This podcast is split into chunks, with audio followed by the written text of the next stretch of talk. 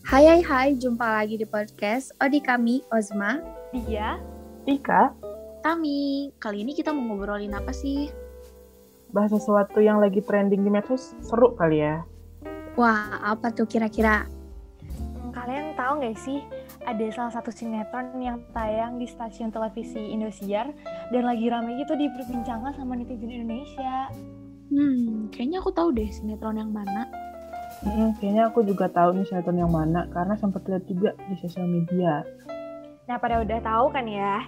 Jadi sinetron ini judulnya Mega Series Suara Hati Istri Zahra. Dan sinetron ini tuh lagi diberhentiin sementara sama Komisi, Komisi Penyiaran Indonesia. Karena menurut KPI, sinetron ini dinilai memiliki muatan yang berpotensi melanggar pedoman perilaku penyiaran dan standar program siaran. KPI juga ngasih beberapa evaluasi yang di antaranya mencakup jalan cerita dan kesesuaiannya dengan klasifikasi program siaran yang telah ditentukan serta penggunaan artis yang masih berusia di bawah umur yaitu 15 tahun untuk berperan sebagai istri ketiga. Betul banget. Terus nih ya, sinetron ini tuh udah resmi diberhentikan semenjak tanggal 4 Juni yang lalu. Dan menurut penuturan Direktur Program Indosiar yaitu Harsiwi Ahmad, dia berkomitmen untuk merubah jalan ceritanya supaya udah nggak ada lagi nih unsur KDRT dan juga mengganti pemeran Zahra agar memenuhi aturan kebatasan usia sesuai dengan jam tayangnya. Bener banget nih, karena sejalan dengan keluhan netizen, sinetron ini dinilai tidak layak tayang karena mengandung unsur KDRT dan juga romantisme yang tidak senonoh. Mengingat pemeran Zahra ini masih underage. Hmm, tapi karena sinetron ini berhenti sementara, kira-kira para penggemarnya kecewa gak sih? Mm-mm, pastinya kecewa dong ya, karena secara nih sinetron favorit kamu yang udah ditunggu-tunggu kelanjutan episodenya, eh malah pending tayangnya. Ngomong-ngomong nih ya, tapi aku jarang deh lihat komentar netizen di sosmed yang emang pro nih sama sinetron ini dan nggak pengen sinetron Zahra ini diberhentikan tayangannya. Tenang guys, tenang. Aku udah ngerangkum nih 4 komentar netizen di bawah postingan Instagram KPI Pusat. Dilihat dari sisi pro yang, dan juga dari sisi kontranya. Meskipun sebenarnya yang kontranya susah banget gitu loh ditangkapin. Nah, boleh tuh langsung dibacain aja. Oke, kita langsung aja ya. Yang pertama dilihat dari sisi pro dulu, karena komentar pro ini banyak banget gitu di postingan KPI. Oke, yang pertama itu Bapak Ibu KPI KPI Pusat yang terhormat. Iya. Asik. Waduh. Tidak hanya berfokus pada sinetron Zahra, masih banyak lagi sinetron yang memberikan efek yang tidak baik dalam mendidik moral maupun aspek sosial. Terus yang kedua, untung viral. Coba kalau nggak viral, nggak diberhentiin nih pasti. Waduh. Oke, yang selanjutnya ada komentar dari sisi yang kontra ya. Yang pertama, buat netizen, kalau nggak suka jangan ditonton. Ribet amat sih. Aduh netizen. Oke, yang kedua ada wong cuma film aja kok bingung, padahal nggak vulgar. Aduh, Tuh. ada ada nih. Tapi berarti sesuai sama yang dibilang kami tadi nih, kan katanya susah ya nemuin komentar yang pro sama kebijakan yang udah ditetapin KPI tadi. Ya banget, harus scroll sampai bawah baru deh ketemu. Nah, ngomong-ngomong nyambung sama sinetron Zara ini, aku jadi ingat sesuatu deh. Wah, apaan? Apa? Apaan tuh? Aku jadi keinget sama salah satu teori komunikasi yang udah pernah kita pelajarin. Ah, teori yang mana tuh? Itu loh teori eh, spiral of silence. Oh iya bener. Hmm, Emang Iya. ya si Tika nih ya, anaknya komunikasi banget. Langsung keinget gitu loh sama teori-teori komunikasi. Oh iya dong. Ya, jadi kira-kira boleh dong dijelasin kenapa isu sinetron Zahra ini tuh berkaitan gitu sama teori spiral of silence. Oke, boleh-boleh kita bahas dulu kali ya. Eh, Bentar-bentar, sebelum kita masuk ke penjelasan nih ya, kita recall lagi yuk tentang apa sih teori spiral of silence? Boleh-boleh, aku jelasin dulu nih. Jadi, teori The Spiral of Silence ini terjadi ketika seseorang yang memiliki pendapat yang mendukung pendapat populer itu cenderung untuk mengungkapkan pendapat tersebut gitu. Sedangkan orang-orang yang punya pendapat berbeda dengan pendapat populer tadi itu lebih memilih untuk diam. Hmm, bener banget. Terus orang-orang yang memilih diam dan tidak menyuarakan pendapat tersebut itu didasari atas ketakutan akan dikucilkan ataupun terisolasi dari pertemanan.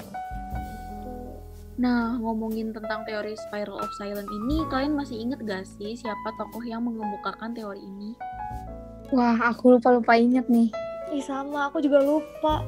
Emang siapa sih yang mengemukakan teori keren ini? Jadi, yang mengemukakan teori ini yaitu bernama Elizabeth Noll-Newman, yang merupakan seorang ilmuwan politik wanita asal Jerman, guys. Keren banget kan? Wow, keren banget. Keren, keren banget. Oh iya, aku juga ingat nih bahwa teori ini dikemukakan sekitar tahun 1976, yang pada saat itu tuh terkenal karena tulisan Newman yang berjudul The Spiral Silence.